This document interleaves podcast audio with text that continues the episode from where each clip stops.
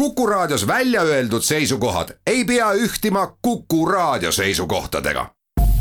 Te kuulate Kuku Raadiot.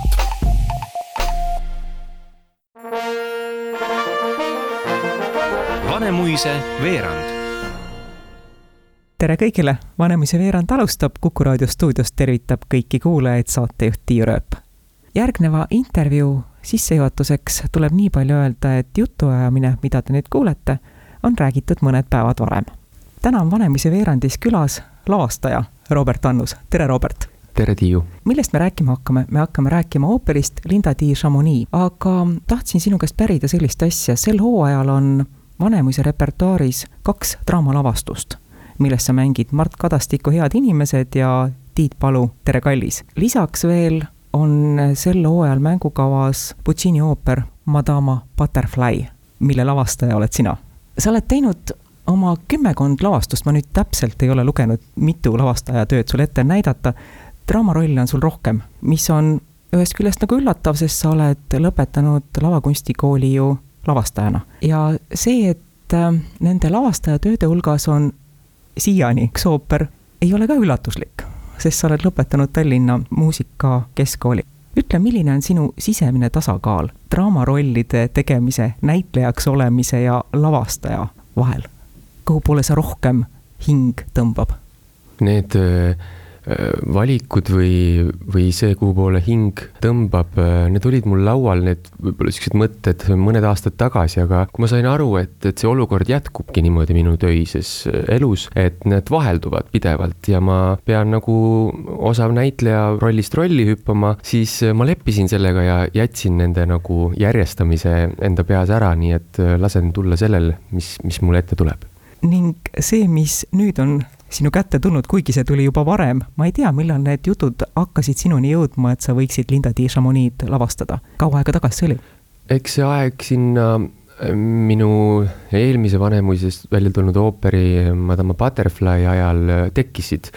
et et äh, muusikaline juht Paul Mägi tegi sellise ettepaneku, et meie koostöö võiks jätkuda tulevikus ja loomulikult see oli mulle väga heaks uudiseks, sest et äh, seda esimest koostööd tehes isu aina kasvas ja salamisi väga lootsin, et, et võiks, võiks veel edasi teha ja, ja, ja nüüd ongi sellest siis, ma arvan, et umbes kaks aastat ilmselt sellest esimesest jutust hakkab äh, tänase seisuga mööda saama ja eks see kaks aastat umbes sihuke minimaalne ooperi väljatoomise aeg lavastajale ongi praegusel ajal on hästi ohtralt meie kõnes neid sõnu oleks ja poleks, mis ei ole ühed head sõnad. aga oleks olnud teisiti, siis kolmteist märts oleks olnud see kuupäev, kui Linda di Chamonix välja tuleb. kui kõik läheb nii, nagu me loodame, siis esimene aprill on ähm, esietenduse kuupäev. mis seisus te proovidega olete praegu? tänase seisuga, kui meil oleks pidanud täpselt nädala aja pärast olema esimene publikuga etendus, olemegi jõudnud äh, põhimõtteliselt ähm, selle oleks äh, versiooniga täpselt nii kaugel, nagu me pidime jõudma ja siis homse seisuga me panemegi selle asja nüüd natukeseks ajaks puhkama, sest et nädala pärast me ei esietendu ja siis umbes kahe nädala pärast me jällegi võib-olla vaatame video üle, mis me siis tegime ja, ja katsume selle vahepealse pausiga kuidagi hakkama saada ja arvata, et isegi see võib-olla tuleb meile kuidagi kasuks, et vahepeal on eh, liha luudele kasvanud ja jätkame sealt, kus me pooleli jäime Linda nimirolli laulev Pirjo Joonas käis Vanemuise veerandis külas, kui ma nüüd ei eksi, siis see oli kaheksateist veebruar. see oli väga meeleolukas kohtumine ja ma esitasin Pirjole tookord mõned küsimused, mis ma pärast mõtlesin, et võib-olla oleks sina õigem inimene, kelle käest küsida. Donizeti oopereid on Eestis lavastatud mõnda mitu korda, aga Linda di Chamonix'd mitte. samas, kui me võtame, kuivõrd kaunis on selle ooperi avamäng, kogu Donizeti muusika, siis miks ei ole seda varem lavastatud, oskad sa öelda? jään täiesti vastuse võlgu, ei oska öelda, sest et ma arvasin ka, et seda tehes võib-olla see, tema võib-olla mingid miinused siis mulle ennast ilmestavad, kui ta mul laua peal oli ja kui me hakkasime proove tegema, aga võta näpust, ei, aina paremaks läheb ja ma imestan ka, et äh, miks äh, meie nüüd siin oleme esimesed, kes seda Eestimaal teevad.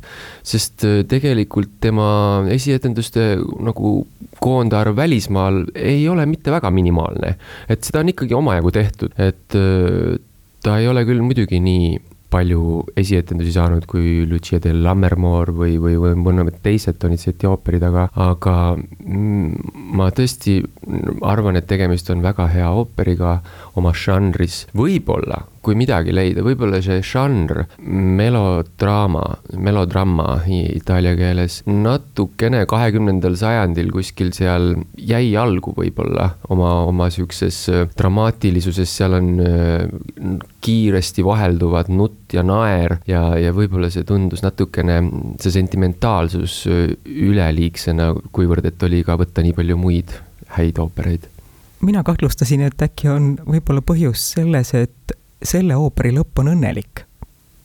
jaa, see lõpp on jah, võib-olla natukene naiivne ja lihtsakoeline ja tuleb siukse pauguna ja, ja ootamatult ja võib-olla see naiivsus on tema väike miinus. Robert, ma küsisin sinu käest, miks ei ole Linda di Chamonix varem Eestis lavastatud? miks on hea, et see ooper nüüd Eestis lavastatakse? mis on see väärtus? Selle konkreetse ooperi äh, väärtus seisneb tema emotsionaalsuses, kui seda ühe sõnaga kokku võtta ja võib-olla kõige lihtsamini praegusesse aega võrdlust tuua, siis äh, väga laias mõistes on ta seebikas. jah, et äh, kui ma ütlesin ühele meie lauljale, et äh, ta küsis nagu, et mis see on, ta ei saa aru, mida me siin teeme, ma ütlesin, et see on seebikas. ja ta ütles, ahaa, selge korras. Ja nüüd pärast seda kõik on, tal jooksis nagu paika. et seda kõige paremas mõttes, et äh, nagu heas seebikas on, on põhiteemaks armastus, selle erinevad vormid, eks ole, ka armastuse üheks vormiks näiteks vihkamine, noh, ütleme armastuse parapool ja selles ooperis on teiseks teemaks usk, Jumal, keegi, kes tuleb ja teeb meie elu paremaks usk sellesse. Need kriteeriumid vastavad väga hästi minu meelest ühe tavalise seebika sihukesele aluspõhjale ja, ja just see emotsionaalsus, mis neid teemasid käsitledes kerkib, on kohati niivõrd tuline ja sütitav, et selle haldamiseks ja, ja vaos hoidmiseks oleks vaja justkui mingisugust äh, oskust ja vot see oskus äh, neid nagu hallata ja, ja, ja neid vaos hoida, sest et Donizetti on ka sinna muusikasse vahepeal andnud väga palju sellist kirge ja, ja, ja, ja siis vaheldub kohe midagi väga-väga lüürilist. Nende suurte nagu Ameerika mägedega hakkama saamine tundub mulle ka praegusel ajal väga ilmekas. me oleme teadmatuses, mis meil homme toob, me, me, me leiame väikestest asjadest rõõmu, sest et võib-olla suuremat pilti vaadates me, me tunneme teatud ebakindlust ja, ja kõik see vahelduvus on ka seal olemas, aga, aga jah, meie ooperis seal on siis see pluss, et see lõpeb väga-väga õnnelikult, kõik saab korda, päike paistab, armastus on, jääb alati olema. Ja sellepärast võiks selle imekauni muusikaga see lugu olla tänapäeval väga-väga kohane. räägi oma lavastusmeeskonnast, ma märkasin, et siin sa kasutad videokunstnikku, videolahendusi, mida sa näiteks ei kasutanud Madama Butterflies?